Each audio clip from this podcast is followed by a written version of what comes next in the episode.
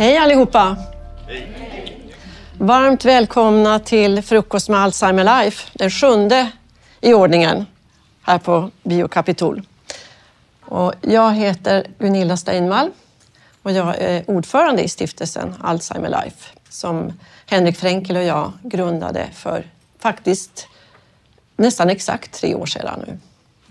Eh, men det här är många som vet det här redan, för ni har varit här förut. Jag känner igen många ansikten. Kan eh, vi få se en hand på alla som har varit här förut? Oh, wow!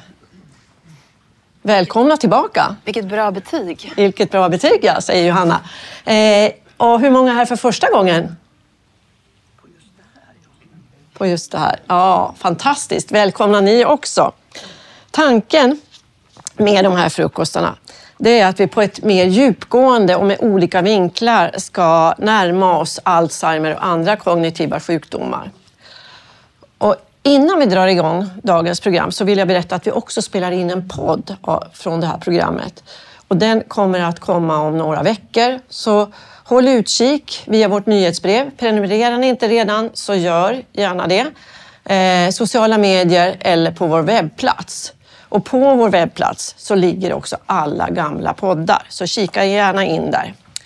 Men nog om detta. Nu vill jag presentera dagens programledare, Johanna Hinteregger. Och ni känner alla Johanna, kanske från hennes eh, hyllade radiodokumentär Innan mamma glömmer, eller som bloggare, poddare och redaktör på Alzheimer Life.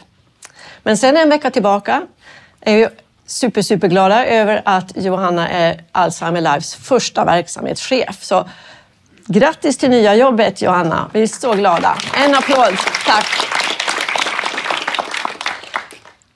Och därmed så lämnar jag över ordet till dig Johanna så får du presentera dagens gäster. Ja. Tack så mycket. Och eh, dagens gäst Eh, gäster har vi. Är, som vanligt har vi en patient som vi börjar med, Peter. Och eh, sen så har vi eh, Maj-Lis Helenius som är livsstilsprofessor och så har vi Linus Jönsson som är eh, eh, hälso, professor i hälsoekonomi. Och så har vi också Hedvig Söderlund, adjunkterad professor i psykologi och författare till en bok som vi kommer tala om också. Men först vill jag hälsa alla hjärtligt välkomna såklart och berätta om vad vi ska tala om. Temat för samtalet idag är vår hjärna. Eh, ett organ som har tjänat oss väl hela vårt liv men nu inte styr en rätt. Och det handlar inte längre om att man blir kär i fel person eller att man är en obotlig tidsoptimist. Nej, helt plötsligt kan det vara svårt att duka till fler eller ta sig igenom en duschprocedur. Svårt att komma ihåg namnet på den där röda blomman eller vilken fågel som sjunger. Den här frukosten handlar om vad vi kan göra när hjärnan inte längre lyder oss. Hur kan vi hjälpa den att bli bättre? Vi kommer dels tala om livsstilsförändringar och dels om mediciner. Då handlar det om de nya bromsmedicinerna som nu är på väg ut på marknaden. Är de bu eller bä? Och vad händer nu? Hjärtligt välkomna, men som vanligt börjar vi alltid med en patient. Eftersom vi tycker att det är där allt borde börja när man talar om kognitiva sjukdomar. Vad berättar patienten? Och vad vill hen? Idag är den han. Välkommen upp på scenen Peter Lundberg, företagare och musiker. Men du är här ju för att du även är patient. Välkommen hit. Tack och hej. Ja. Peter, du fick i slutet av januari i år diagnosen lindrig kognitiv svikt, Alzheimers sjukdom i tidig debut. Du har den här ärvda genen eh, A på E, E4, E4 från båda dina föräldrar. Det stämmer. Och det här förstod du efter att du har tagit ett DNA-test. Precis. Berätta, varför, varför tog du det här testet? Eh, jag letade efter min pappa som... Jag, ja, min mamma hade dött och jag hade, hon hade vägrat att tala om vem han var. Och eh, då tänkte jag så här att eh, ett DNA-test kanske kan hjälpa mig att hitta honom. Så jag skickade in ett test och eh, fick väl inga direkta svar på honom. Jag fick massor med svar, men ingen som kunde leda mig till honom. Då. Jag fick också erbjudande om att eh, utöka abonnemanget med DNA Hälsa. Och det tog jag då naturligtvis, för jag tänkte att om jag inte kan hitta honom så kanske jag åtminstone kan få reda på vilka genetisk, vilket genetiskt arv jag kunde förvänta mig att ärva från honom. Och på den vägen var det. Och när svaret kom då så stod det, det att jag hade en... Jag var homozygot, hette det. Att jag hade dubbel uppsättning av POI4-genen. Jag hade 70 procents risk att utveckla Alzheimer med tidig debut då. Du är 60 år gammal. Snart. Mm. Snart. du sökte din, efter din far och så istället ja. fann du det här. Hur, hur, hur reagerade du? Ja, först blev jag väldigt chockad. Jag gick ju hem och började ja, googla direkt och försöka få kontroll på vad är det för något som händer egentligen. Och eh, där satt jag väl några veckor och bara liksom sökte information. Då. Sen fick jag kontakt med en kvinna som hette Liselott Jansson på Alzheimerfonden mm. som kopplade mig vidare också till en läkare på Karolinska institutet som förklarade att eh, sådana här domedagsprofetior från sådana här företag ska man ta med en liten nypa salt och eh, sitt lugnt i båten och eh, ta det lugnt och hör av dig om det uppstår kognitiva störningar. Det var väl ungefär det meddelande jag fick. Mm -hmm. Så hur kände du att du blev bemött när du fick din diagnos?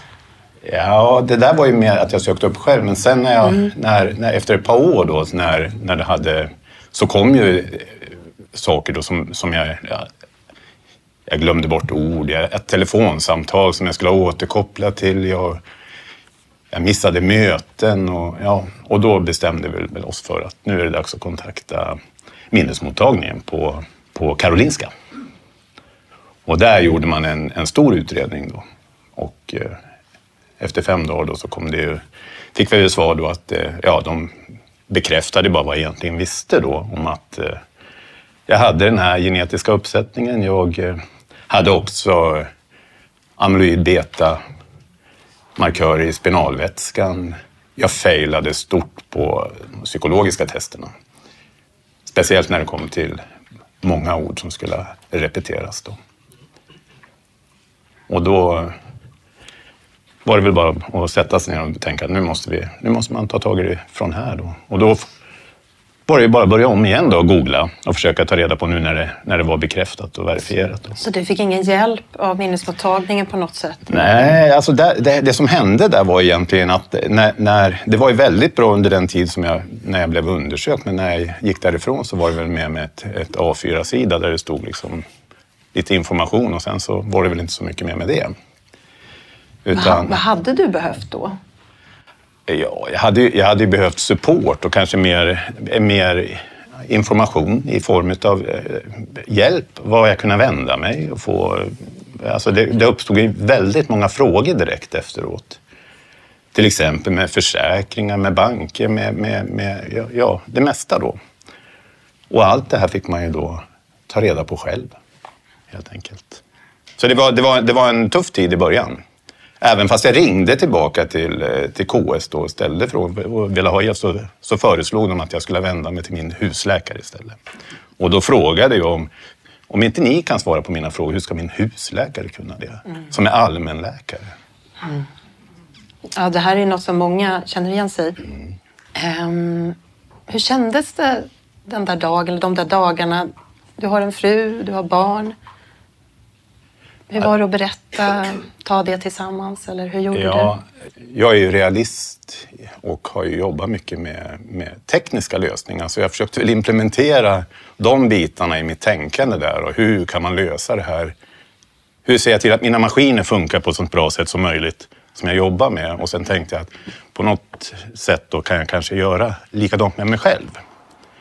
Så det var ju att ta reda på fakta om sjukdomen då för att kunna känna mig trygg i den. Då. Och ja, ja på den vägen är det. Då. Hur berättade du för dina barn till exempel? Ja, min fru var ju med på när jag fick, när jag fick svaret ifrån eh, undersökningen då på Karolinska. Men för mina barn så fick jag ju berätta i efterhand då, att, eh, hur det var. Och det var ju en, ja, det var ju en traumatisk upplevelse i början. Men, men min son säger ju att han tycker att jag är piggare nu än vad jag var tidigare, så att jag vet inte riktigt. Kan... Du kanske har gjort några, några av de där Ja, livsstilsförändringarna, livsstilsförändringarna. som vi också kommer tala om idag. Ja. Ja. Ja, det var, det var ju en stor sak också. Att jag läste ju då eh, dokumentation ifrån Mia, då, en bok, den här Fem fingrarna. Och så, det tog jag väl tag i på en gång, alla sådana bitar. Och den första tiden var ju extrem, för att då, då tänkte jag det här, jag måste lösa de här problemen alltså redan inom ett par dagar. Tänkte jag. Alltså, så, jag började med att ringa till, till försäkringsbolag och till hur ser mitt testament ut och bankerna. Jag måste sälja mitt bolag och min, min ekonomi, jag, lugnar jag. ja. som- Så att jag, allt skulle göras på en vecka. Det var ju kanske Det lite... Idag kör jag halvårsplan istället. Okej, ja. det var lite jobbigt där i början. Ja, jag förstår. Mm. Du, du, hade ju full, alltså, du arbetade ju heltid och allt sånt. Hur, hur ser det ut idag? Hur mycket arbetar du Idag idag? har jag gått ner 50 procent.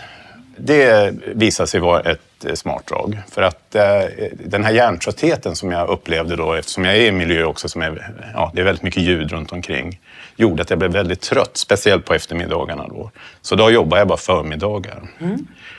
Eh, och det har ju betytt väldigt mycket. Alltså jag känner verkligen så att nu, nu kan jag liksom vara lite aktiv även på eftermiddagarna. Det gick inte förut. Då sov jag två, tre gånger. Började vid lunch och sen så kunde jag sova en gång på, ja, efter jag hade käkat middag och sen kunde jag somna igen på kvällen innan jag gick och la mig. Och då somnade jag direkt i alla fall. Så att det, det var inget bra.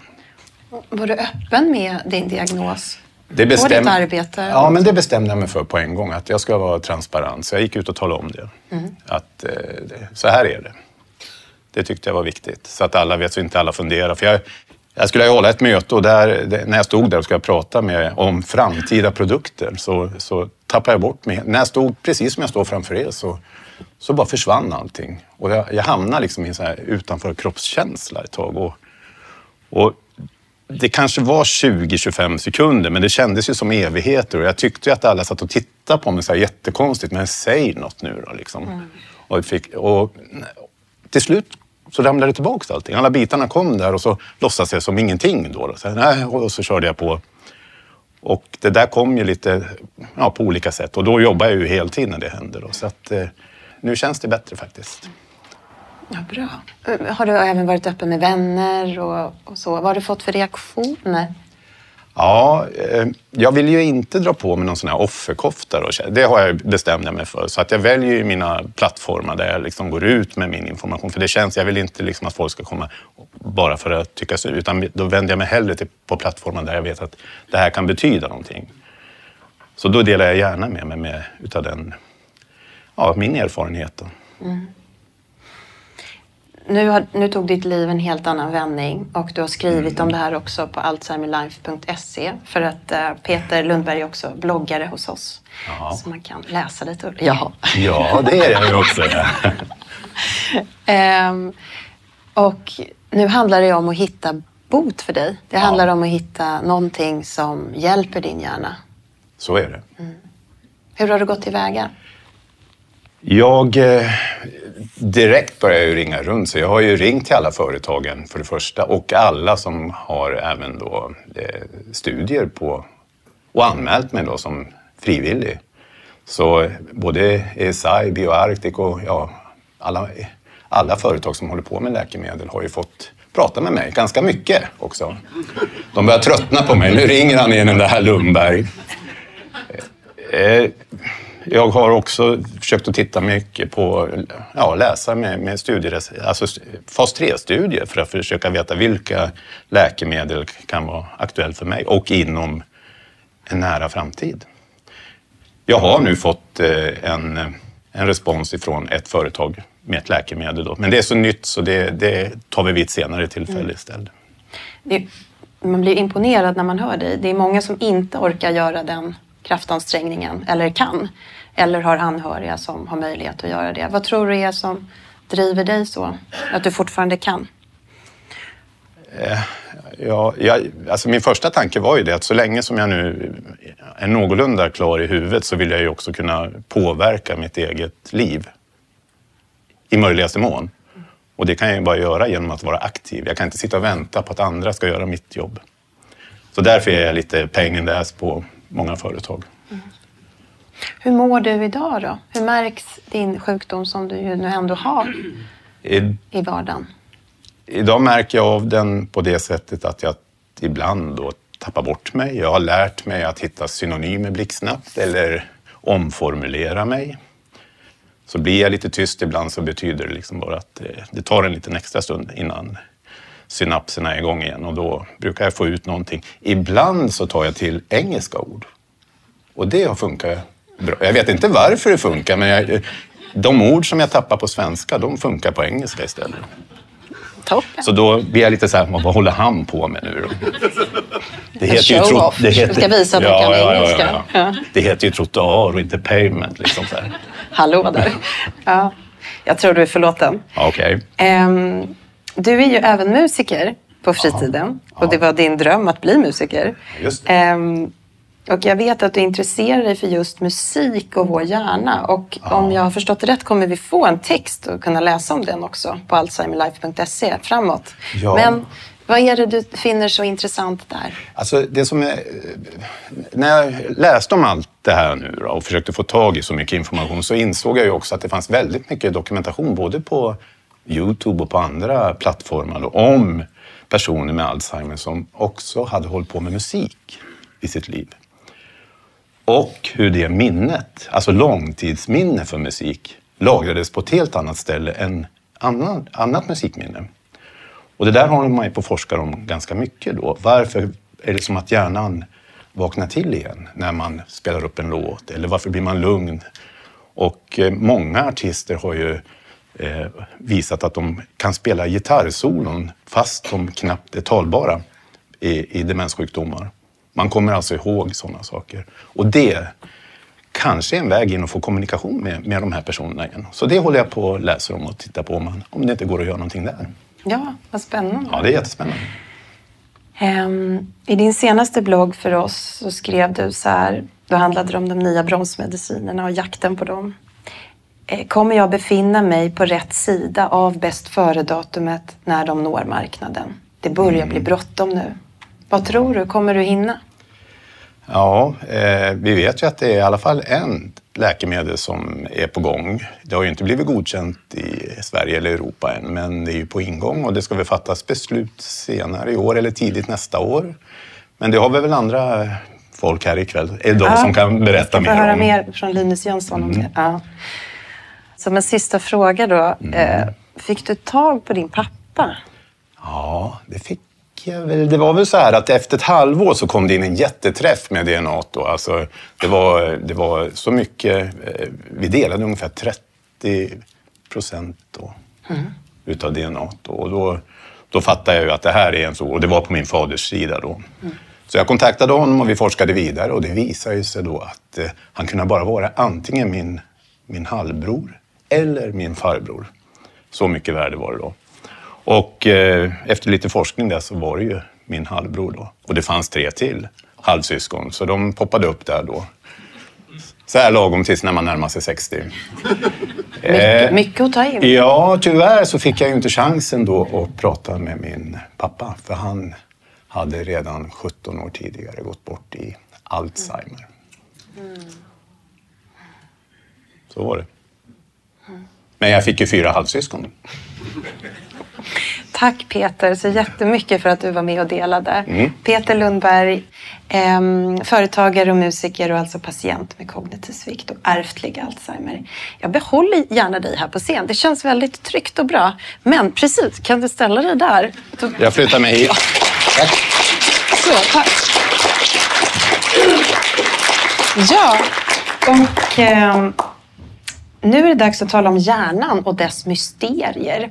Speciellt om den när den börjar bete sig märkligt. Välkommen upp på scen Hedvig Söderlund, författare, hjärnforskare och även adjungerad professor i psykologi vid Luleå tekniska universitet. Välkommen hit. Tack så mycket. Ja. Tack så mycket. Och eh, vi ser, hallå? vi ser ju också dig i tv just nu. Det stämmer fint. pratar om vår hjärna. En gång i månaden. Ja. Ja. Borde Eh, vara varje dag. Ja, borde vara varje dag. Jag skojar. Mm. För några månader sedan kom din bok När hjärnan sviker om livet med demens. Och jag har lusläst den. Varför skrev du den? Ja, jo, eh, det var nämligen så att min pappa för några år sedan började utveckla någon typ av kognitiv sjukdom. Och det gick väldigt långsamt och successivt men till sist så blev det rätt tydligt att han hade någon typ av demenssjukdom och fick också en diagnos för det. Jag har då forskat om vår hjärna och vårt minne i 20 års tid. Jag har forskat om åldrande, det så att säga naturliga eller friska åldrandet, men jag hade inte forskat om just demenssjukdomar. Men i och med att pappa insjuknade i det här så blev jag väldigt nyfiken på det här med demens och började naturligtvis läsa på som den forskare jag är. Och jag märkte att det fanns egentligen inte särskilt bra, eller förlåt, inte så många böcker som var riktade till allmänheten som beskriver det här på ett lättillgängligt sätt, de olika demenssjukdomarna. Jag insåg också att jag själv faktiskt inte visste så där jättemycket om demens. Är demens Alzheimer? Är Alzheimer demens? Och så vidare. Så då tänkte jag så här, jag hade redan skrivit en bok ett par år tidigare om utbrändhet som jag hade drabbats av. Och då hade jag kombinerat just det personliga, mina egna erfarenheter av det här, med det professionella. Vad är utbrändhet? Vad händer i hjärnan? Och så vidare. Så nu kände jag att jag ville göra detsamma med demenssjukdomar, eller kognitiva sjukdomar som det också kallas. Så då bestämde jag mig för att skriva en bok både då som dotter, alltså anhörig till någon som har drabbats av demenssjukdom, men också faktabiten. Så boken är en blandning av fakta och personligt kan man säga. Den är skriven på ett lättillgängligt sätt tycker jag och den är en blandning av ja, lite forsknings, nästan anekdotiskt berättat. Så det blir väldigt spännande att läsa om vår hjärna. Kul att höra. Det är verkligen syftet att den ska inte vara tråkig utan den ska vara, jag menar den är inte rolig, ni sitter inte och skrattar när ni läser den. Men den jo, är jag gjorde det. Du gjorde. Det var flera, eh, så du får ge lite exempel sen på nunnestudior och annat. Ja, ja, ja. Jo, var... Den skulle vara lättsam i alla fall. Det var målet. Ja.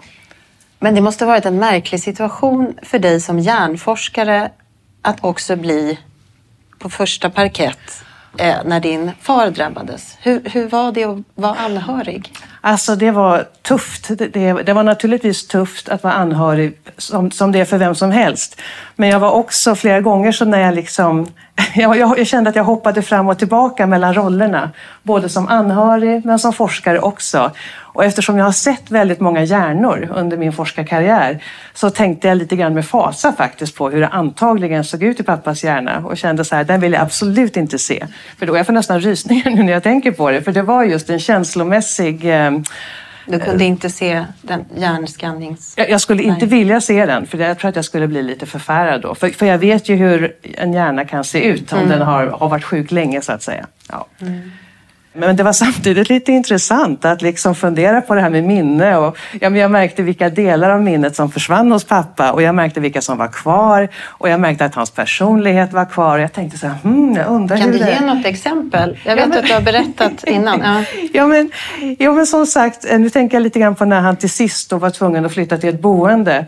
Alltså det var ju tydligt att han hade sin humor kvar. Ni kanske har märkt att jag är lite spelevinkig och det har jag fått från min pappa som var en han var... Groucho Marx ja, men... idol. ja, och det var inte helt farfetched. Han såg lite ut som Groucho Marx själv faktiskt. Han hade inte samma pengar tyvärr. Men det var tydligt att han inte mindes efter ett tag och han mindes inte alltid vem jag var och vem mamma var och vem min syster var. Men han hade sin humor kvar och det liksom, man såg i hans ögon sådär när han liksom tänkte ut något skämt. Och, alltså, han var lite sådär lurig liksom. Så, och, och det funderade jag väldigt mycket på. Det faktumet att, eh, ja, uppenbarligen så är, ibland säger Säger man att vi är våra minnen. Det finns något som heter episodiskt minne. Nu svänger jag ut lite här. Episodiskt minne och det är minnet för händelser, för episoder. Och det är det som man brukar tänka på när man pratar om minne. Och man brukar säga att våra episodiska minnen gör oss, så att säga. Vi är våra minnen. Men vem är man då om man inte har några minnen? Ja, men man har fortfarande sin personlighet kvar, för det mesta. För det mesta. Men, men det var någonting som jag tänkte mycket på med honom. Ja. Det förstår jag. Det är det är fascinerande att tänka på de här olika Eller hur? Eller hur? Och var sitter personligheten då? Ja. Mm. Så, så det finns mycket att fundera på. Särskilt mm. om man är forskare och lite nyfiken. Hur, hur förändrades din pappa? Ja, alltså det började med de här klassiska sakerna att personen kanske glömmer ord, glömmer namnet på saker. För det vet man när det gäller Alzheimers sjukdom, även om det inte är säkert att det var just det han hade. Men att man glömmer framförallt namnet på saker, substantiv. Det är inte nödvändigtvis det här med att glömma namn, för det är ju väldigt vanligt ändå hos, hos personer. Men, så det märkte jag. Jag märkte också att han berättade samma historier om och om igen. Och det var roliga historier, men tionde gången, mm, lite sådär. Och han hade ingen, det märktes att han hade ingen aning om att han hade berättat de här redan. Han berättade som det var första gången. Sen blev det också väldigt tydligt när han inte längre hittade. Han skulle köra till bilprovningen i Ulvsunda som han hade kört till hela livet, en gång om året, typ. Men han, eh, han hade svårt att hitta och det var otroligt olikt honom. Så, så det var framförallt minnet. Kom ihåg att han har berättat saker, Ja, just det. Och sen en sak som blev väldigt tydligt just det här med att komma ihåg att det här är glasögon och det här är ett glas. Ja, vad lustigt att båda heter glas. Ja, vi fattar. Men i alla fall, det var när vi var hos hans husläkare och husläkaren gjorde den här klassiska lilla minnesundersökningen eller kognitiva undersökningen, the Minimental State Examination, MMSE. Då frågade läkaren, han höll upp en penna och frågade min pappa, vad är det här för någonting? Och pappa svarade, Ja, det är en lampa. En plastlampa.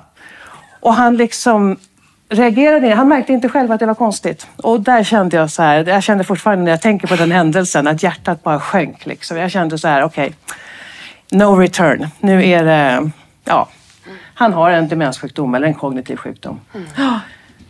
Och du bestämde dig för att skriva den här boken. Just för att det. visa på resan. Vad var det du saknade i, i, när det, din pappa drabbades och när du började försöka själv hitta information? Nej, men jag kände att det fanns, det fanns böcker som var skrivna för forskare och studenter som var liksom väldigt vetenskapliga å ena sidan. Och sen så fanns det böcker som var skrivna av anhöriga, som också är jätteviktigt.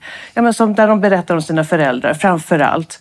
Eh, men jag kände att det saknades någonting däremellan som berättar liksom Ja, men som sagt på ett tillgängligt sätt och som berättar om tidiga tecken. Vilka tecken ska man faktiskt ta på allvar? För de flesta säger så här, åh, jag, jag minns inga, ingenting och jag minns inga namn, jag glömmer bort alla namn. Ja, men är det ett tecken på tidig demenssjukdom? Nej, men kanske inte. Alltså, det är inte det klassiska så att säga. Så det saknade jag. Och dessutom, min bok är lite som en manual. Jag ville också att, att, någon, att man lätt kan ta reda på vad gör man om man misstänker att någon kanske har en demenssjukdom. Hur går man tillväga och hur går en utredning till? Vad är det för typ av hjärnavbildning? Vilka blodprover finns det? Och så vidare. Jag ville liksom beskriva allt det här och utvecklingsförlopp.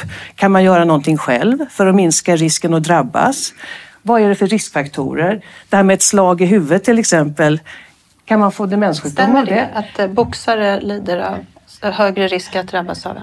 Alltså så här, det som man har konstaterat är det som kallas ibland för eh, punch drunk syndrome. Just det här när man blir lite eh, lätt irritabel, får kort stubin, problem med uppmärksamheten, problem med minne. Det har en annan benämning i vetenskapssammanhang. Nu ska vi se här, TCE, jag ser det framför mig, kronisk traumatisk encefalopati tror jag det heter.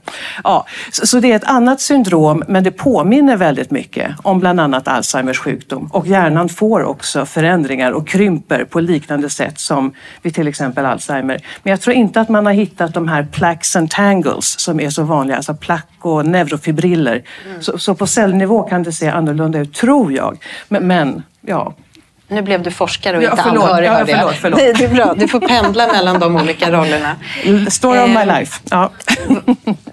Vad jag tyckte var spännande också, som jag har nämnt några gånger nu, det var ju det här eh, din genomgång av all forskning som har gjorts, inte all förstår jag, ja. men mycket forskning som har gjorts på hjärnan. Just det. Kan du ge, åt, ge oss ett litet axplock av några uh, studier som du tycker står ut? Som i... står ut? Ja, men just när det gäller Alzheimer, någonting som, uh, som är otroligt intressant och kanske skrämmande men fascinerande.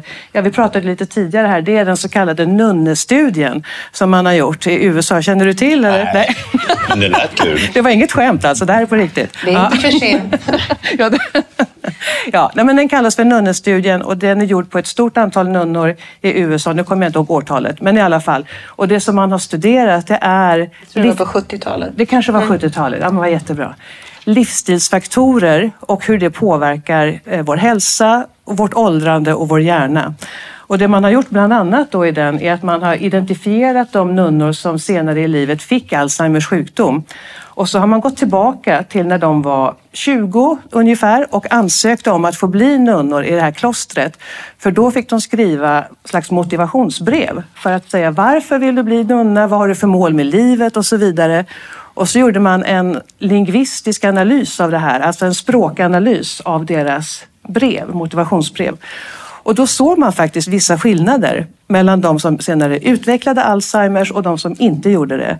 De som utvecklade Alzheimers sjukdom visade på en mer de skrev ett enklare språk. Det var lite fattigare, det var inte lika komplext och ja, kanske inte lika mycket detaljer och bilder och så vidare som de som inte utvecklade Alzheimers sjukdom. Och det här det väcker ju väldigt många frågor. Man undrar liksom ja, hur tidigt kan det ta sig uttryck och är det förutbestämt och så vidare. Men så, så det är en av studierna som jag berättar lite om. Det är också i den studien, eller en annan, där man kan se att eh, symptomen kommer mycket senare eller mycket mindre grad också. Just det, just av det. Nunne, just nunnelivet, ja, men klosterlivet. Det är också spännande. Precis, så inom minnesforskningen och åldrandeforskningen och hjärnforskning pratar man om någonting som heter kognitiv reserv. Och det här är någonting som man bygger upp under livet. Det är en slags mental reserv som gör att man kan klara av mer eller mindre olika förändringar i hjärnan. Har man en stor kognitiv reserv, ja men då gör det kanske inte så mycket om man får någon liten hjärnskada här eller där så att säga. Att, för man har så mycket att ta av. Ni hänger med på, på, på vad det handlar om. Om man bygger upp den här reserven kanske genom att ha ett intellektuellt arbete, att hålla sig väldigt fysiskt aktiv, äta ordentligt, eller ja, ni fattar. Eller kanske mm, vara väldigt social, gå på olika föreläsningar och så vidare. Ha ett rikt intellektuellt och mentalt liv och hålla hjärnan i god form. Och den här reserven kan man väl tänka sig, ja, nu kommer jag in på forskningen. Men, ja, Maj-Lis kom. Helenius kommer också fördjupa oss i det. Mm. Men det var spännande att det, var, det blev så tydligt med nunnor. Just det. Just det. Jag råkar veta att din favoritdel i hjärnan är hippocampus. Eh, men vad händer med hippocampus när eh, den blir sjuk? Ja, just hippocampus det betyder sjöhäst på latin för att den ser ut som en liten sjöhäst och den ligger djupt inne i hjärnan. Vi har två stycken, en på varje sida och den går, jag brukar skoja lite och säga att den är ungefär som polisonger som man kan tänka sig. Den är en långsträckt eh, struktur och den är väldigt central för minne och brukar fungera, eller den fungerar lite som en, eh, en pekare, brukar man säga, en pointer. Den håller koll på var de olika delarna av ett minne ligger lagrade i hjärnan. Var, var ligger de visuella delarna av minnet? Var ligger hörseldelarna? Var ligger de känslomässiga delarna? Och så vidare. Och om hippocampus, och, och så sätter den ihop det här till ett enhetligt minne, de olika detaljerna. Hippocampus har man sett är väldigt viktig för spatialt minne, alltså att komma ihåg hur man tar sig från en plats till en annan, lokalsinne och sådana saker. Och när hippocampus krymper som den gör vid Alzheimers sjukdom, ja men då blir det svårare att komma ihåg olika minnen för hippocampus finns inte där för att återhämta dem, för att liksom plocka i resten av hjärnan, de olika detaljerna av det här minnet. Det är också därför som det spatiala minnet, alltså att hitta hem, att hitta till bilprovningen och så vidare, kan bli påverkat vid demenssjukdom och Alzheimers sjukdom. Wow! ja, visst är det vilken muntert? Cool, nej, men vilken cool del. Och, ja, ännu vet vi inte hur vi ska kunna förstora mm. hippocampus. Just det. Ja, alltså, ja men, precis. Mm. Men då vill jag bara säga, det finns ju det här med som Anders Hansen har blivit känd för. Att om vi motionerar och om vi springer, ständigt så bildas det nya celler i vår hjärna och framförallt i hippocampus. Men takten mm. på den här nybildningen kan vi påverka genom att leva någorlunda hälsosamt, genom att kanske springa. Vilket, ja. Men eh, ja, så, så, så, så hippocampus kan även öka i volym så att säga. Ja. Tack så jättemycket Hedvig Söderlund, författare och hjärnforskare och adjungerad professor i psykologi. Jag behåller dig också gärna. Precis, du har redan förstått detta? Ja, jag är ingen dumming. Ja. Nej, ingen dumming. Ehm, ja, nu ska vi tala om de bromsar vi redan har för kognitiva sjukdomar. De finns redan, men samhället eh, är dåligt på att utnyttja dem fullt ut. nämligen hur vår livsstil påverkar kognitiva sjukdomars förlopp. Och vi var ju lite inne på det nu Hedvig, men nu ska vi få det ännu mer fördjupat och nyanserat av Maj-Lis Helenius. Välkommen upp! Professor i allmän medicin och överläkare på Karolinska i Stockholm. Ditt forskningsområde är just hälsoeffekter av fysisk aktivitet och matvanor. Eh, så, vad spelar kost och aktivitet för roll för våra hjärnor, även om vi redan har märkt av en försämring i kognitiva förmågor? Till exempel. Att vi börjar där. Mm. Välkommen hit. Tack för förtroendet att få vara här. Det är en bra fråga du ställer. Stor fråga, svår fråga, men vi har ju vetat i 4000 år att levnadsvanor och livsstil påverkar vår hälsa, även hjärnhälsa. Idag vet vi så ohyggligt mycket mer. Vi har underskattat livsstilens betydelse. Och eh, jag blir ju ledsen när jag hör dig berätta att du får gå hem och googla, mm. försöka ta, med, ta reda på mera information. Jag skulle ju önska att du hade fått höra mycket mera vid de här första besöken. Vi tar inte vara på den kunskapen. Det, alltså det är en explosion inom forskarvärlden just nu och även naturligtvis inom området livsstil och hälsa. Det går fortare och fortare. Varje dag kommer nya studier. Vilket också gör att vi får bättre och bättre riktlinjer. Men det här sista steget, kunskapsspridning till allmänhet, till politiker, beslutsfattare, till mina kollegor, det går alldeles för långsamt. Mm. Ibland blir man ledsen, ibland blir man arg. Jag tror man tänker att det är redan för sent. Man har fått en diagnos. Det är inte för sent. Jag tänkte på igår kväll, eh, tänkte på den här dagen att jag skulle få glädjen att vara med. Om man hade sagt till en kardiolog för 40 år sedan att de här placken, vi har ju jobbat med och jobbar med att förebygga hjärt-kärlsjukdom, Eh, de kan gå tillbaka, alltså plack i kranskärlen. Mm. Då skakade ju kollegor på huvudet. Sen kom den första studien ifrån San Francisco. Det råkade vara en livsstilsstudie som visade att plack hos individer som redan har en ganska avancerad kranskärlssjukdom kan gå tillbaka. Jag undrar ibland om vi inte kommer att säga detsamma om Alzheimer-plack. Tänk om alla visste Mm. att det finns redan 15 behandlingsstudier med kontrollgrupp på individer som har fått sin diagnos där man visar att ökad fysisk aktivitet kan bromsa utvecklingen. Men sen är vi olika naturligtvis. En del studier visar riktigt stora effekter och andra lite mindre. Men då tänker jag som läkare, alltså vi måste ju använda alla medel vi har. Nya farmaka väntar även jag på med spänning. Men vi måste också jobba mycket klokare med eh, förändring av livsstil. Mm. Får jag prata om hippocampus? Gärna. Det är svårt att Gärna. få slut på mig när jag börjar. Det är vår favoritdel idag. ja, men den, man sätter fingret så här i, i hörselgången så sitter den ju precis där innanför. Det finns en fantastisk studie som fortfarande pratas om på möten om fysisk aktivitet och hälsa. Den har 12 år på nacken. Tänk er 120 personer över medelåldern friska och ingen, eh, vad man visste i alla fall, kognitiv eh, svikt. Eh, de lottas till två grupper. Den ena gruppen, 60 individer, då, får stöd, hjälp att tre gånger i veckan träffas 40 minuter och motionera. Man skulle göra något så att det var måttligt ansträngande. För de flesta räckte det med rask promenad. Någon fick springa för att uppleva det där. Kontrollgruppen träffades tre gånger i veckan, 40 minuter, men motionerade inte tillsammans. Och det är ju så att hippocampus krymper ungefär från 30 års ålder på oss alla.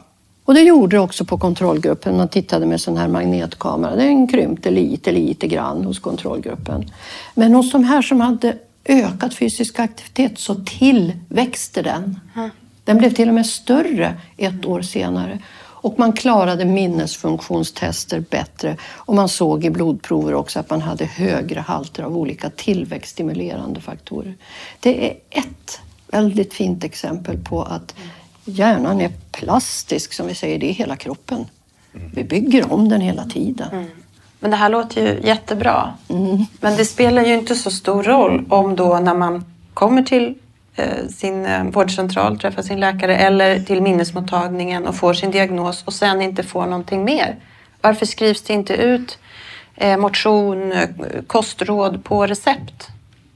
Eh, varför får man inte automatiskt komma till en grupp där man har eh, hjärngympa eller samtal, djupgående samtal som får, får hippocampus att växa? Ja, det undrar jag med. Och det är ju det här som är en blåslampa i rumpan på mig. Många som är väldigt trötta på mig och mitt tjatande om att vi skulle kunna förebygga ohälsa mycket effektivare. Det är en svår fråga. Det går åt rätt håll, men det går för långsamt tycker jag.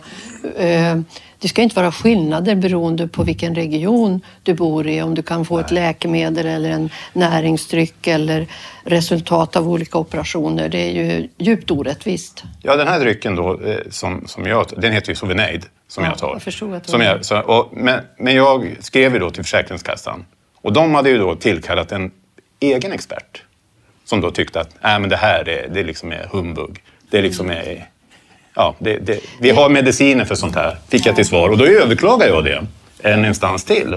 Och det blev samma svar där. Även fast jag hänvisade till att i kransregionerna, där förskriver man det här. Det är inte humbug.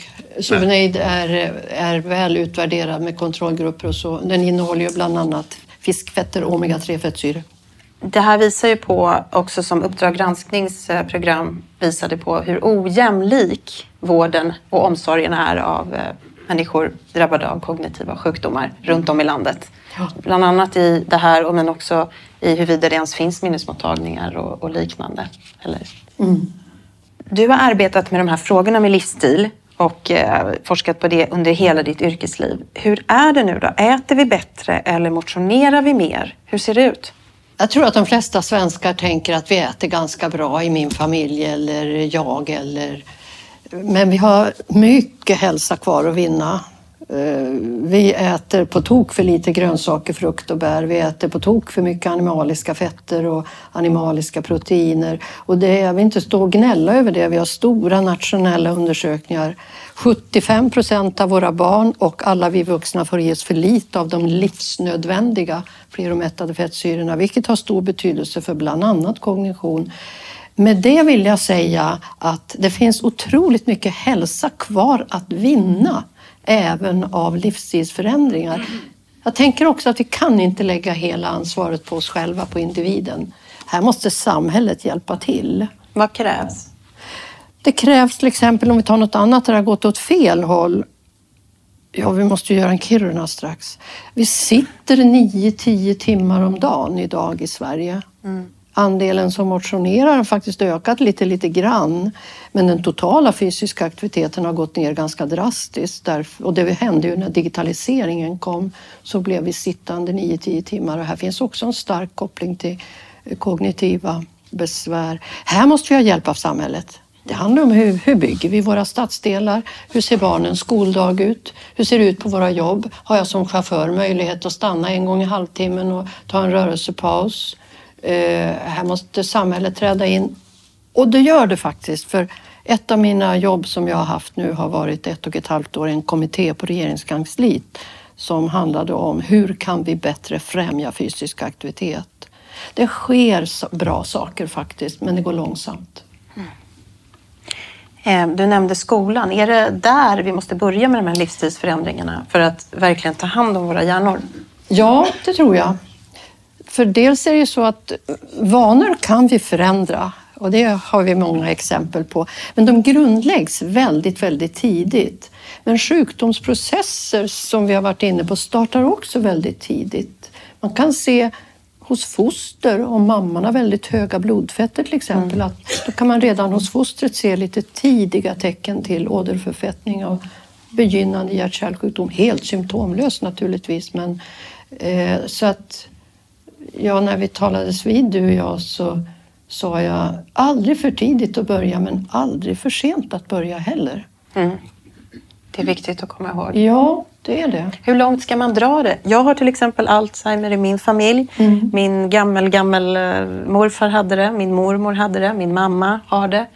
Eh, borde jag egentligen inte ha ett eh, så stillasittande arbete? Borde jag byta jobb? Borde jag bli dansare? Typ. Jag är inte så bra, men kanske kan bli. Aldrig för sent att börja. Eller eh, hur långt ska man dra det här? Ja, När man är i riskzonen? Jag, jag tänkte att, på det med mina barn också. Hur, hur ska man jag, tänka? Jag skulle önska att vi var bättre på att sprida den kunskap som finns idag. Och det är därför jag ofta svarar på journalisters frågor när de hör av sig. Och att vi kan göra lite medvetnare val, men man vill ju inte tvinga folk. Nu ska vi göra så här och nu ska du äta mera grönsaker. Men jag skulle önska att att, man ska, att vi ska göra lite mer medvetna val genom livet. Det här låter luddigt, jag hoppas ni förstår vad jag menar. Och så måste vi göra det inspirerande, lockande. Det är inte så att jag tror som livsstilsprofessor att förändrad livsstil rår på allt. Verkligen inte. Vi ska vara ödmjuka inför livet. Men eh, det är inte allmänt känt till exempel att 13 studier har visat att man med fysisk aktivitet, och det finns studier vad gäller mat också, faktiskt påverkar processen även när man har fått diagnosen. Det önskar jag att, att alla visste. Inger lite hopp. Mycket hopp förresten. Ja, det är hopp och så är det lite oro också. Du har tre orosmoln som du har tagit upp mycket i din forskning och det man kan läsa om dig och det är att vi använder för mycket mättat fett. Ja. Vi rör oss för lite dagligen. Inte ja. att vi kan springa lopp eller liknande utan den här mm. dagliga motionen. Ja. Eh, och sen är det här stillasittande. Vad är sämst för hjärnan? Kombinationen är värst. Ja.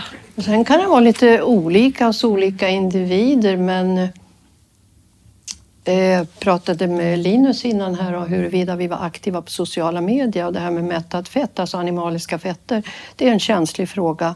Men idag så vet vi ju att vissa av de mättade fetterna de är proinflammatoriska och det är inte bra för hjärnan och många andra sjukdomar också eh, påverkas negativt. Eh, men det här är ju något som vi faktiskt kan påverka. Vi ska komma ihåg att vi bygger om våra celler hela livet. Börjar man välja andra fetter imorgon så tar det bara några veckor så har vi byggt om cellväggarna i muskelcellerna till exempel. Sittandet, om ni är snälla och reser er upp. Ja, vi gör det. Eh, har ni hört om en Kiruna? en eh, gammal tant uppe i Kiruna som sa till en sköterska, ja, jag vet hur man ska hålla sig frisk och stark. Reser. Alla reser sig upp. Och då hade tanten sagt att Ja, men jag, jag sätter mig tio gånger varje gång jag sätter mig. Alltså hon gjorde tio skotts. Så vi, vi gör tio knäböj. Okay. Det är helt frivilligt. Helt frivilligt? Ja. Och man kan göra det fort och man kan göra det djupt eller inte så djupt. Men det här är... Okej, det var inte det här jag hade tänkt. Nej, jag förstår det. Nej, men alltså...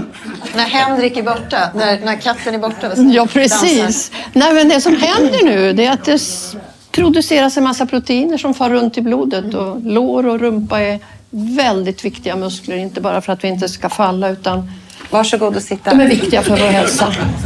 Kände ni att det där gav lite hjärtklappning? Ja. Ja, jättebra. Tack så mycket. Um, en sista fråga. Eh, vad sak, det, det känns som ett givet svar, men ändå, om du har tänkt ut hur man skulle kunna få samhället och debatten lite bättre. Vad är det du saknar idag när vi talar? Vi talar väldigt mycket just nu om kognitiva sjukdomar. Men vad saknar du i debatten? Ja, mitt svar färgas just förstås av att jag är läkare och forskare och jobbar i hälso och sjukvården. Men, eh, och vi har redan berört det. Jag saknar en effektivare kunskapsspridning eh, och jag saknar också att vi aldrig hinner samarbeta med olika forskare, psykologer, eh, forskare som Linus och andra som jobbar, på, jobbar med att ta fram nya farmaka. Alltså om vi kombinerar allt det här så kommer framtiden att se annorlunda ut. Precis, det var det du var inne på lite när vi talade innan, det här med att man behöver inte se medicinerna som en väg och livsstil som en, utan det är det här att vi ska se det tillsammans. Vi ska utnyttja alla medel vi har mm. och det ska vara på en sund och stark vetenskaplig grund. Mm. Tack så mycket Maj-Lis Helenius. Tack så mycket.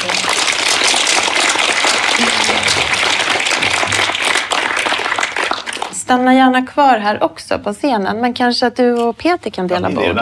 Ja, är det okej? Okay? Nu är det dags att tala om de andra bromsarna för kognitiva sjukdomar, nämligen medicinerna. Länge har det sett hopplöst ut på forskningsfronten för bromsmediciner och bot på till exempel Alzheimer, den vanligaste kognitiva sjukdomen. Men nu, sedan några år, ser det annorlunda ut. Nya upptäckter har skrivit om Alzheimer-kartan kan man säga. Vi ska tala om det senaste kring de nya bromsmedicinerna. Och det gör vi med Linus Jönsson, professor i hälsoekonomi på Karolinska institutet. Välkommen upp!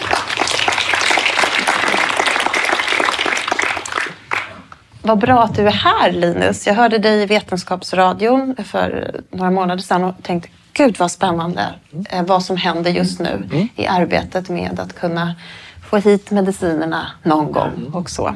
Eh. Tack så mycket för inbjudan. Hoppas jag inte alls var andfådd efter den här Kiruna. Precis.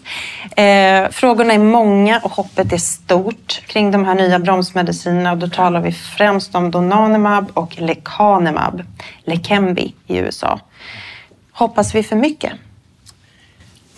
Ja, jag tror att om man har följt det här fältet som jag har gjort nu i kanske 20 år ungefär så har det varit mycket besvikelser under loppets gång. Och det är klart att man vill inte riktigt tro att vi har en medicin förrän man faktiskt har det på marknaden. Och eh, de här medicinerna är ju inte till någon glädje förrän vi faktiskt har dem tillgängliga och de faktiskt används på rätt sätt. Så att det återstår ju faktiskt en del innan vi är där.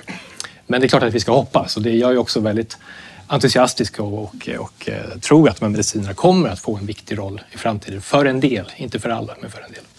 Är det en sån break i Alzheimerforskningen som man som jag sa precis. Stämmer det? Ja, det, på sätt och vis är det det. Därför att vi, har ju, vi får ju liksom ett kvitto nu på att vi är på rätt spår. Att det här att ta bort amyloidplacken ur hjärnan, det verkar faktiskt ha betydelse. Det verkar som att vi kan hjälpa patienter. Och där får du ett kvitto på att forskningen är på rätt väg. Det har ju varit under lång tid de som har trott på den här amyloidhypotesen och de som har varit att säga, mer skeptiska till det. Och, men klart, har man då två läkemedel som vi har nu som faktiskt verkar fungera i fas 3, alltså i de här stora randomiserade studierna där man kan se att patienter faktiskt hjälps av det. Ja, men då, då är vi på rätt spår. Då, kan man ju faktiskt, då har man ju också hopp om att här kan vi bygga vidare med fler mediciner eh, och fler angreppspunkter nu när vi förstår bättre vad, vad sjukdomen faktiskt beror på. Um, så det är kanske det viktigaste resultatet här. Då. Sen så, um, ska att man komma vi är på rätt spår? Alltså. Att vi är på rätt spår, mm. men vi kan bygga vidare på det här. Så vi kan hoppas på att det finns uh, en framtid där vi kan se inte bara de här medicinerna som, som, som nu är under utveckling utan ännu fler som kanske i kombination i slutändan kan, kan leda till att vi verkligen får en, får en broms för sjukdomen. Man ska komma ihåg att de här medicinerna har ju en blygsam effekt. Det är ju ingen bot mm. på något sätt. Plötsligt är hälsoekonomi lite på allas läppar tycker jag i alla fall när jag har gjort research. Vad är det egentligen du sysslar med? Mm. Det är en bra fråga. Vi, vi, I min forskargrupp på Karolinska institutet så um, tittar vi på värdet av nya medicinska innovationer på just, uh, inom just Alzheimers sjukdom. Um, så vi tittar på dels naturligtvis nya, nya medicinerna men även ny diagnostik, uh, nya digitala verktyg för att hitta hitta de här sjukdomarna tidigt och nya blodprover för att kunna ställa diagnosen snabbare och tidigare. Så att vi försöker liksom titta på hur, hur kan man använda sådana här verktyg i praktiken och hur kan vi se på det här från ett samhällsperspektiv. Hur mycket så att säga, ska vi vara beredda att betala för, för de här lösningarna? Hur mycket är de värda? Så den typen av forskning behövs ju också, så man ska sedan förstå ja, hur ska vi ställa oss i prisförhandlingar kring de här nya läkemedlen. Det finns ju liksom en alltid liksom en gräns för hur mycket man kan betala för saker och ting. Och där är det viktigt att ha bra, bra underlag. Precis som Alice var inne på, det behövs ju ordentlig forskning på det här så vi fattar bra beslut. Mm. Det är det vi försöker hjälpa till med. Många här inne, tror jag, och ute i samhället också, vill ha de här medicinerna. Typ igår. Mm. Mm. Kommer, de, kommer vi få det? Um, inte igår, men, men, inom väldigt snar framtid så ser det ut som att det är på gång. Och uh, senast jag hörde var väl att i januari kan man förvänta sig, om, om allting går som planerat nu, att vi kan få ett beslut ifrån EMA, alltså den europeiska läkemedelsmyndigheten, uh, snarare deras kommitté för humanprodukter då, som ska säga, i princip säger de om, om de här data som finns nu räcker för ett godkännande. Och sen så kommer själva det formella godkännandet kanske två, tre månader senare. Så det kan mycket väl vara så att i början på nästa år så har vi en medicin som är godkänd för användare. Ehm, men sen är det en liten väg kvar då, för att det här ska ju sen ehm, också in i vårt subventionssystem. Och i Sverige så innebär det att våra regioner måste då fatta beslut om att betala för det här läkemedlet också. Och det kommer förmodligen att ta längre tid. Eh, exakt hur lång är svår att, svår att säga. Man har börjat diskussioner med företaget faktiskt redan. Ehm, och, eh, men det, ja, det, det är det som man kommer behöva, behöva vänta på. Då. Hedvig ja. Söderlund har en fråga. Jo, jag har en fråga. För när jag skrev min bok då så intresserade jag mig självklart också för medicinering och kollade upp det här med lecanemab. Nu är jag som är andfådd. Varför det? Jag har ju bara stått stilla. Ja, i alla fall. och då hörde jag av mig till företaget, ehm, för man måste ju vara lite källkritisk. De vill naturligtvis säga att det här fungerar jättebra. Eh, men som forskare vill jag kolla upp datan lite mer exakt. Och man ser ju att det finns en del variationer mellan olika grupper. Att kvinnor till exempel inte verkar gynnas lika mycket av lecanemab som män. Mm. Eller det är i alla fall inte lika många mm. som visar på tillbakagång av... Eh, ja. Hur ska man tänka där liksom ja. när det gäller de här medicinerna och godkännande? Att ja, det är godkänt men det kommer inte fungera på alla. Eller hur tänker man? Precis, det är, en jätteviktig poäng. Och, och, och kommer tillbaka till det här att rent, jag ska inte gå in på exakt de här för att olika studier har visat lite olika saker också. Det finns ju två läkemedel nu som har gått igenom fas 3 som vi har pratat om och de, och de är inte riktigt samstämmiga de här studierna heller. Det är inte helt säkert så att det är män som har sämre effekt än kvinnor eller tvärtom. Eller ska man, är det bättre att börja tidigt eller är det bättre att börja lite senare med behandling? Det är också lite oklart fortfarande. Så vi, vi har fått ett kvitto i de här studierna på att de här medicinerna kan fungera om de används enligt det sätt som man gör i de här studierna. Men vi vet fortfarande inte hur får man dem att fungera på bästa möjliga sätt och vad är det bästa sättet för varje enskild patient att använda de här medicinerna. Där har vi jättemycket kvar att göra. Det som är viktigast nu egentligen när man, när vi, om, om vi nu får de här nya, nya medicinerna är att vi faktiskt fortsätter att studera dem. Mm. Att vi ser varje person som tar de här nya medicinerna är ju en möjlighet att lära oss mer om dem. Så vi måste alltså följa upp användningen i rutinsjukvård och, och, och samla in mer information för att just förstå det här. Hur tidigt ska man börja? När ska man sluta behandling? Det har vi ingen aning om idag. Hur länge man ska fortsätta. Räcker det att behandla tills amyloidnivån har gått ner och så slutar man. Och så kan man sen börja behandla igen när, om och när nivåerna går upp igen. Så gjorde man i en av de här studierna. I den andra studien så fortsatte man behandla helt enkelt. Så att, och där, där vet vi inte vad som är bäst. Så här behöver vi fortsätta och det är faktiskt här i Sverige har vi väldigt bra förutsättningar att göra det. Faktiskt. Jag har en fråga också. Just eh, när det gäller då lecanemab så har jag ju läst deras fas 3-studie. Och det är ju så här i den att ungefär under 30 procent har ju visat sig i, i, i den här fas 3-studien att eh, deras amyloid beta-nivåer har ju gått ner. Efter 18 månader så visar det sig att man nästan inte har någon plack kvar. Och i spinalvätskan så visar det att man hamnar på toleranser som är jämförbart med, med, med normala nivåer. Mm. Och man har ju också även satt in sådana här boosterdoser, alltså att man får eh, eh, läkemedlet då direkt, inte intravenöst utan även eh, under skinnet då. Som har visat sig också få ner den här ARIA-problematiken med mikroblödningar i hjärnan och även då med hjärnsvullnad, alltså ödem.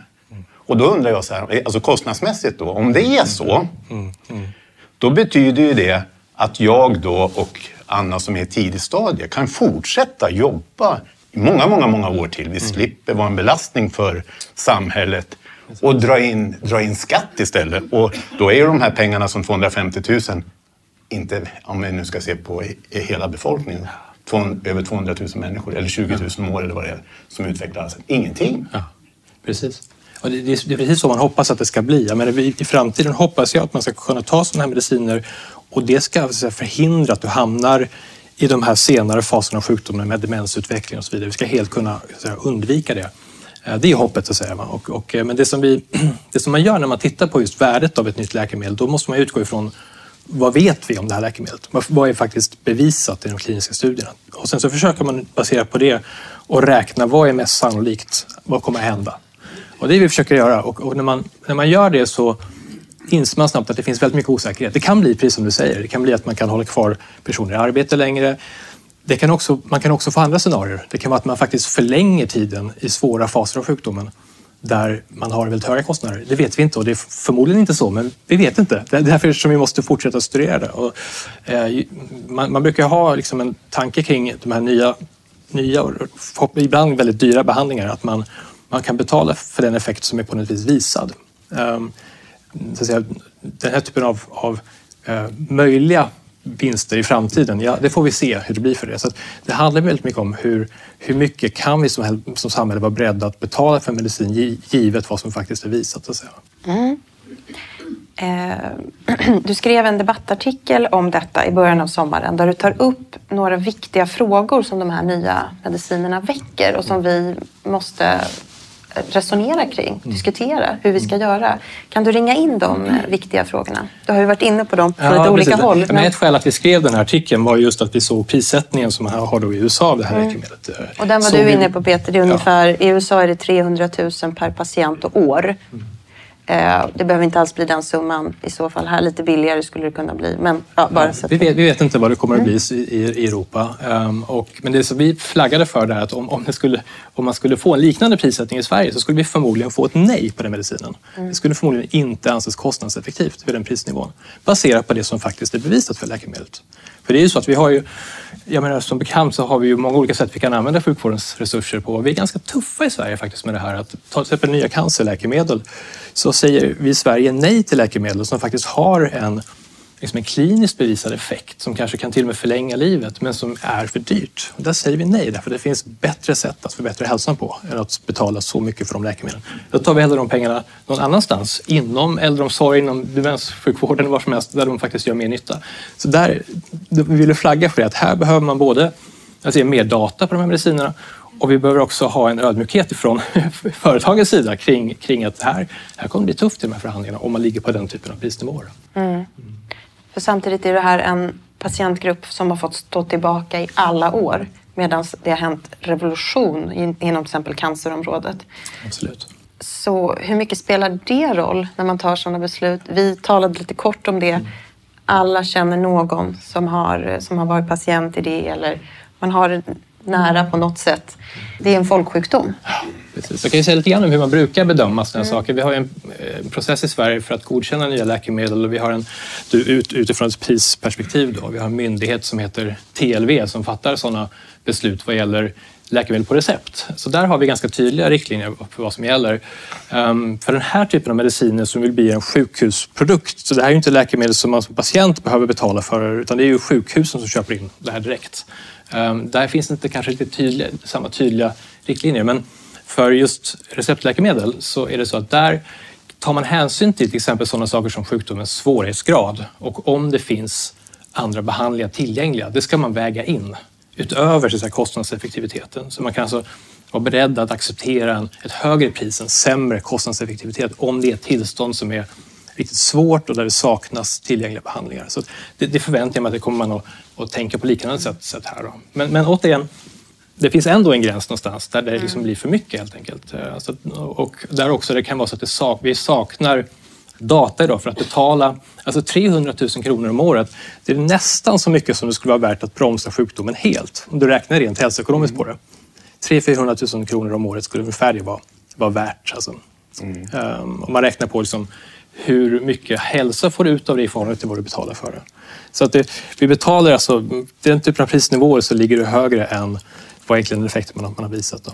Men om, om, om det är som de misstänker att, att, eh, att amyloidplacket nu försvinner efter ett antal år i kroppen. För det har ju visat sig i alla fall i testerna att det, att det, det sjunker ju hela tiden med tid. Då kanske det betyder då att vi inte behöver ha den här medicinen efter tre, fyra år. Kanske bara komma någon gång ibland för att kolla hur är läget och så får man en, en, en liten extra boost. Precis. Då, är ju, då, har vi ju liksom, då är det inte, pratar vi inte 250-300 000 om året. Då pratar vi det som ett, ett, en inledningskostnad och sen så kommer den att reduceras med, med tid. Ja, det beror på då hur man prissätter det här från företagens Ja. sida. Så att säga, va?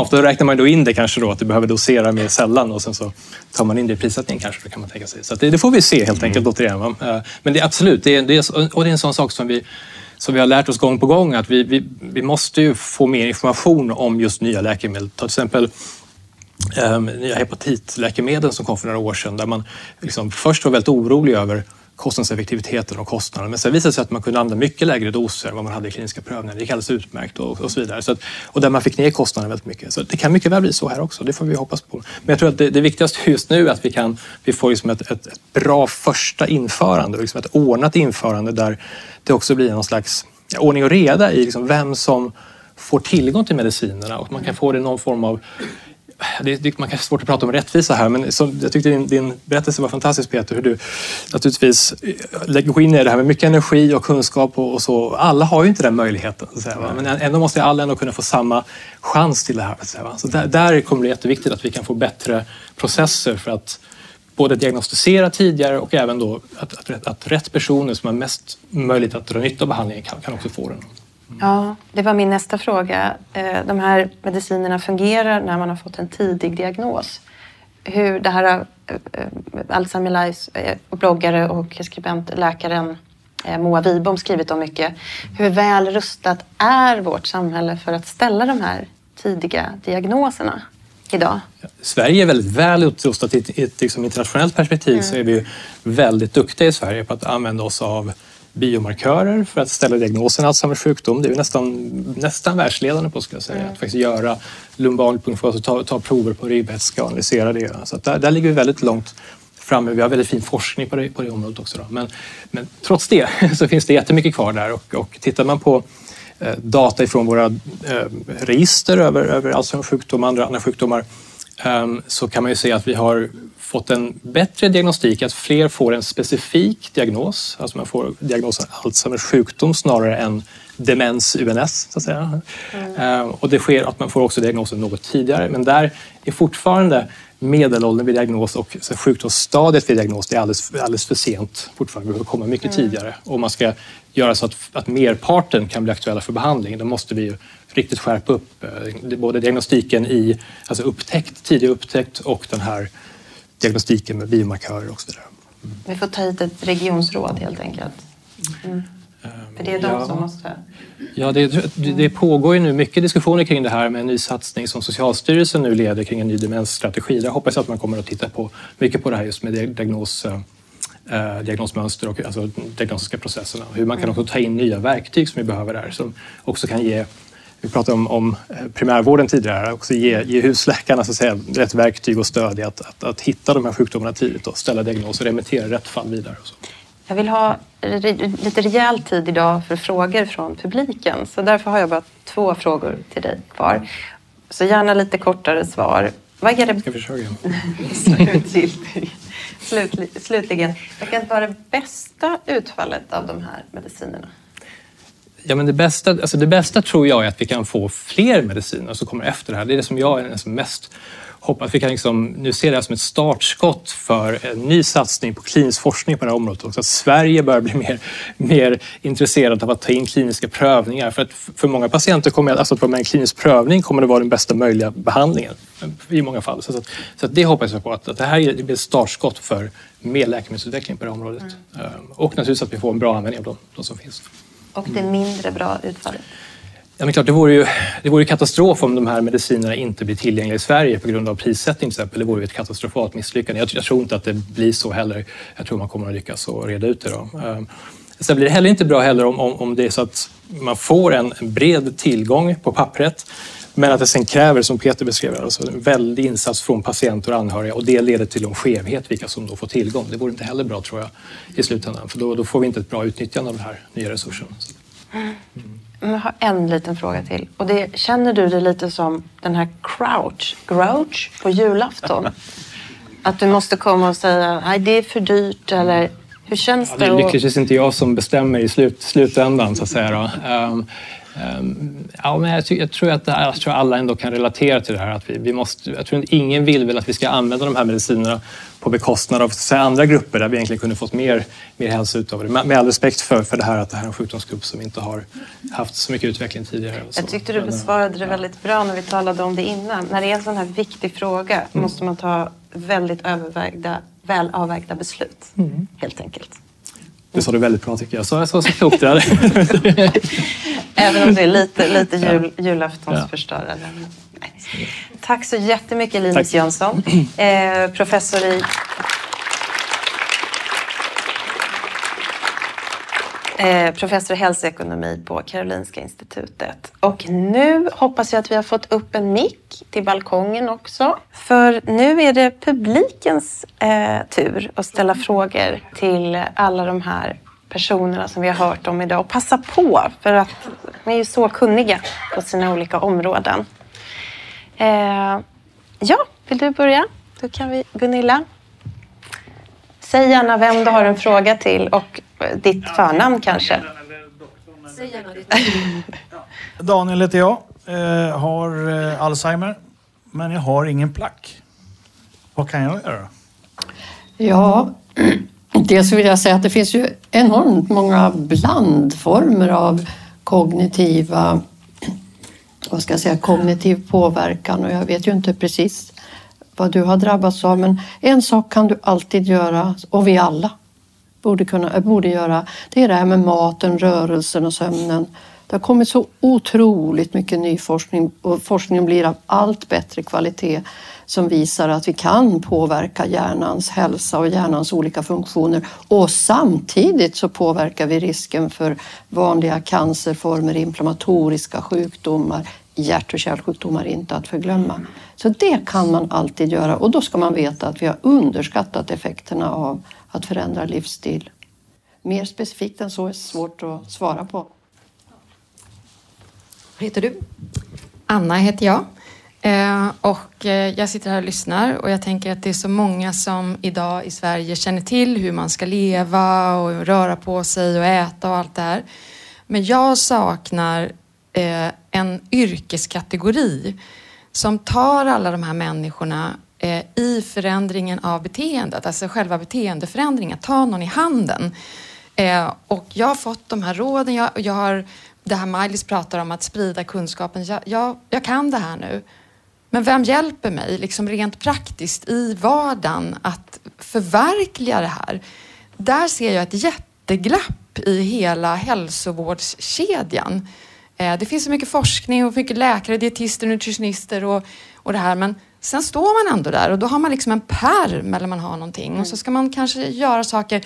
Man är chockad eller man har fått en diagnos eller man kanske har ätit spagetti och köttfärssås hela livet. Eh, var är alla de här människorna? Vilka är det i vårt samhälle idag som ska hjälpa människor att, att faktiskt fysiskt göra träningen eller fysiskt få in fler grönsaker eller sådär? Vilka är det? Eh, jag blir ju ledsen och arg och skäms lite också när jag hör det här för jag tycker ju att hälso och sjukvården ska ta mycket av det här. Men vi har extremt få dietister. Vi började skriva ut fysisk aktivitet på recept bland de första i världen i Sollentuna 1987.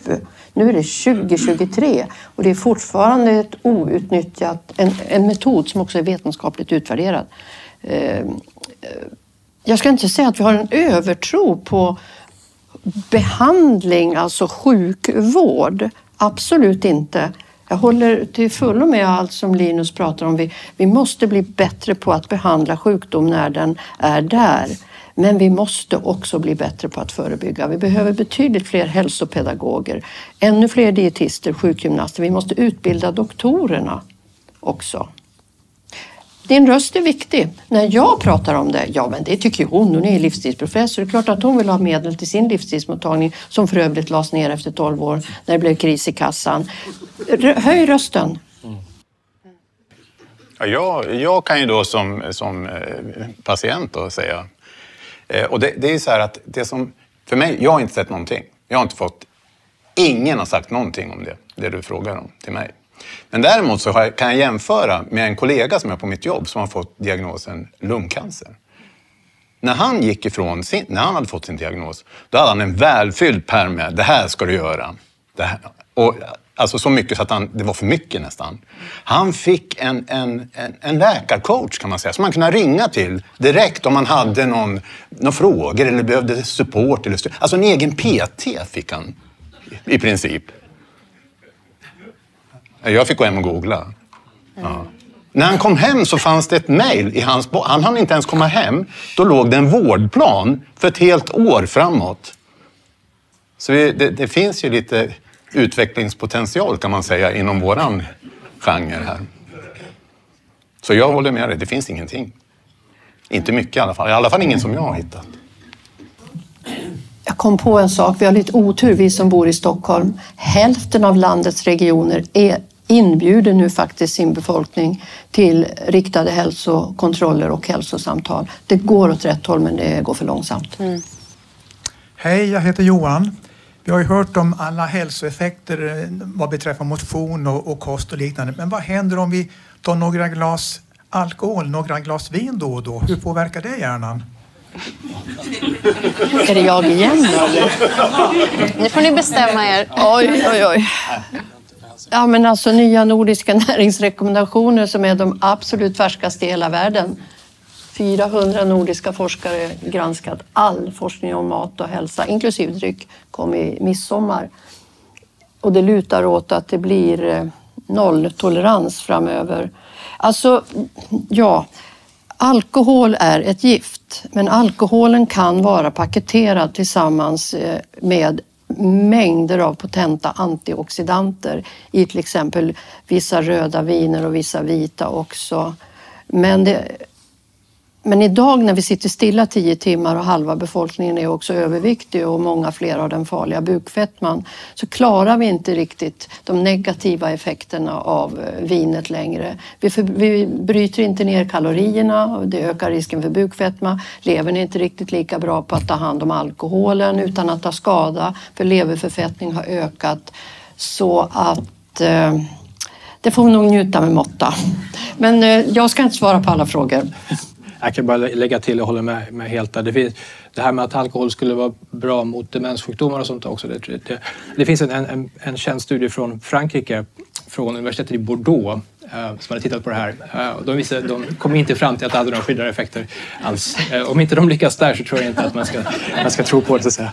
Ja, nej, jag, jag, kan bara instämma med tidigare talare här. Att när jag skrev min bok så ville jag just ta reda på också alkohol. Så jag kontaktade en alkoholforskare just om det här och enligt honom så det är precis som ni säger att nej, Förut pratade man ju om en del positiva effekter av framförallt rödvin och att det skulle vara bra för blodkärlen. Och det som är bra för blodkärlen är också bra för hjärnan, det vet vi. Men enligt honom så det senaste är att njet, tyvärr, vi kan inte luta oss tillbaka och säga att det här är för min hälsas skull som jag tar det här lilla glaset. Sen finns det ju naturligtvis också Korsakoffs, eh, Korsakoff-demens, men det är något annat när man har druckit eh, så pass mycket att man utvecklat alkoholdemens. Det är intressant i det här sammanhanget också, det, är inte, det handlar egentligen inte om skadorna i sig, men eh, vid frontallobsdemens vet man, alltså när det drabbar pannloben och man förlorar omdömet ofta och kanske blir lite besatt av att göra olika saker och ting så är det ganska många som börjar dricka ohämmat vilket naturligtvis är ett problem för hjärnan men då pratar vi ohämmat också. Så. Men som sagt, kontentan verkar vara att eh, det är tyvärr inte så, så bra kanske för det är i alla fall inte positivt för hjärnan att dricka alkohol. Ja. Ja, jag heter Caroline och är gift med Danne. Då. Eh, det jag undrar är, eftersom han inte har plack Kommer han att kunna få någon hjälp av någon medicin? Mm. Nej, inte just de här medicinerna som vi har pratat om här idag mot Alzheimers sjukdom. För där krävde att man hade plack i hjärnan för att, att säga, man skulle vara aktuell för de studierna. Därför att just, att de, just de medicinerna verka genom att ta bort de här amyloidproteinerna ur hjärnan. Då. Så att eh, just de läkemedel blir inte aktuella. Sen finns det många andra mediciner. Det finns väl i storleksordningen 200 olika läkemedelskandidater i utvecklingen. Eh, som, som forskar på olika, typ, olika typer av indikationer. Nu vet som sagt, jag vet inte exakt vad, vad det handlar om i, i ditt fall, då, men, men det finns till exempel eh, befintliga mediciner som man nu har, eh, till exempel flera diabetesmediciner som finns på marknaden som man nu testar i kliniska prövningar som verkar ha också en effekt vid Alzheimers sjukdom. Faktiskt, I vissa fall just i kombination med kost och motion. Faktiskt, eh, då. Så, så det finns definitivt möjlighet att det finns andra läkemedelskandidater som kan vara, vara, vara aktuella. Det måste man titta på i varje, varje fall. Här. Det är, det är en komplex sjukdom det här med, där man, vi fortfarande inte vet exakt vad som orsakar Alzheimers sjukdom. Det kan ju ha till exempel att göra med, det finns många faktorer som sammanhänger just med metabola sjukdomar som diabetes. Där, där, och det, just det kan det vara att det är många olika läkemedel som kan tänkas ha, ha effekt. Mm. Jag heter Helge Jonsson. Jag ehm, har inte Alzheimer men jag är delaktig. Och eh, jag kan inte svara på frågan som jag får lite då och då. Hur långt har forskningen nått? Hur, eh, hur eh, är läget när det gäller mediciner av olika typer? Alla som har Alzheimer och eh, närstående eh, lever på hoppet. Och jag kan inte redogöra för vad det finns för substans i hoppet egentligen. Jag kan inte relatera det till hur läget är i forskningen, vad det finns för tidtabell för introduktion av mediciner och så vidare. Skulle inte stiftelsen kunna införa någon sorts eh, podd för rating där man kan söka en sammanställning av de senaste rönen. Jag tror dessutom att det skulle vara en affärsidé. Ja, har vi några till frågor? Ska vi se, där. Ja, hej, eh, jag heter Birgitta Kristensson, är 80, nyss 82 år fyllda psykiatriker och kurskamrat med Maj-Lis och god vän med Johanna. Känner väl till din familjs Alzheimer. Eh, och eh, eh, jag ber först om ursäkt att jag kom så sent, men det har med min fråga att göra eftersom jag har uttalade enormt stora sömnproblem och bor i Saltsjöbaden och att jag överhuvudtaget har, står här och pratar och vet vad jag säger är ett mirakel. Men vad jag har helt amatörmässigt märkt bland både kurskamrater vi har som har fått Alzheimer och goda vänner, släktingar, så är en övervägande del kreativa människor, mycket kreativa människor och också sover för lite. Men de skryter med att de sover för lite, för de hinner med så mycket. För de, ofta så är de också kvällsmänniskor. Alltså de, de är aktiva på kvällen och på morgonen. Tack för frågan. Maj-Lis, vill du ta den? Ja, hej. Jag såg inte dig. Men vad, vad bra att du tar upp det här, för vi har berört rörelsens betydelse, vi har berört maten, men vi vet ju att eh, sömnen är otroligt viktig också. Eh, kort sömn eller dålig sömn är en stark riskfaktor och det är viktigt att komma ihåg att när vi sover, det är då vi reparerar oss till stor del. Och det gäller både mentalt och vi återhämtar oss muskulärt och så vidare. Och tyvärr är det ju så att stillasittandet har ökat och sömntiden har blivit kortare över hela världen, det gäller både barn och vuxna. Det är också en viktig livsstilsfaktor, så tack för att du påminner om det. Jo, eh, det här med sömnen är otroligt viktigt, så jag är också glad att du tar upp det. Och man har faktiskt sett att, och precis som du säger, många har skrutit om hur lite de sover. Men jag tror att den trenden gudskelov håller på att vända, att man har insett sömnens otroliga betydelse för vår hälsa, både kroppslig och själslig och hjärnan. Man har sett att om man sover mindre än sju timmar per natt under en lång period naturligtvis, så ökar det här risken för bland annat Alzheimers sjukdom. Ett fynd som man har gjort de senaste åren är det glymfatiska systemet i hjärnan. Glymfatiska. Och det är en dansk forskare, en kvinna, underbart, som har identifierat det här. Och det kan man säga är som en slags biltvätt av hjärnan. Det är en tvätt av hjärnan när vi sover, då den spolas ren, ren, ja men ni förstår. Det spolas bort olika typer av slaggprodukter, ansamlingar, eh, genom det cerebrosp eh, cerebrospinalvätskan. Och man tror då att om man sover för lite så hinner inte hjärnan tvättas rent tillräckligt under natten. Och ifall man gör det här då under en väldigt lång period, ja men då hinner inte de här ansamlingarna, placken eventuellt spolas bort så som de borde göra. Så det kan vara en bidragande faktor. Så, och jag som har varit utbränd också har intresserat mig mycket för det här med sömnen, för det är någonting som verkligen påverkas vid utmattningssyndrom. Och det Ja, det finns ju folk som faktiskt inte har sovit på flera dygn som dör. För det är en livsviktig eh, funktion. Eh, tack så mycket. Vi måste börja avrunda nu. Eh, innan vi tackar av deltagarna måste jag säga att vi naturligtvis kommer tillbaka med minst en frukost till denna höst. Vi tittar på lite olika teman. Kom gärna med förslag till oss vad ni skulle vilja veta mer om. Och håll utkik eh, när det kommer. Eh, till våra medverkande har vi en present och det är Annie, varsågod, tack. Det är Annie Reuterskiölds bok När du dör vill jag vara nära. Jättefin bok och hon har också även varit gäst här hos oss. Eh, tack för att ni kom och berättade så bra och fint om eh, det från olika perspektiv. Eh, och tack till alla er som kom.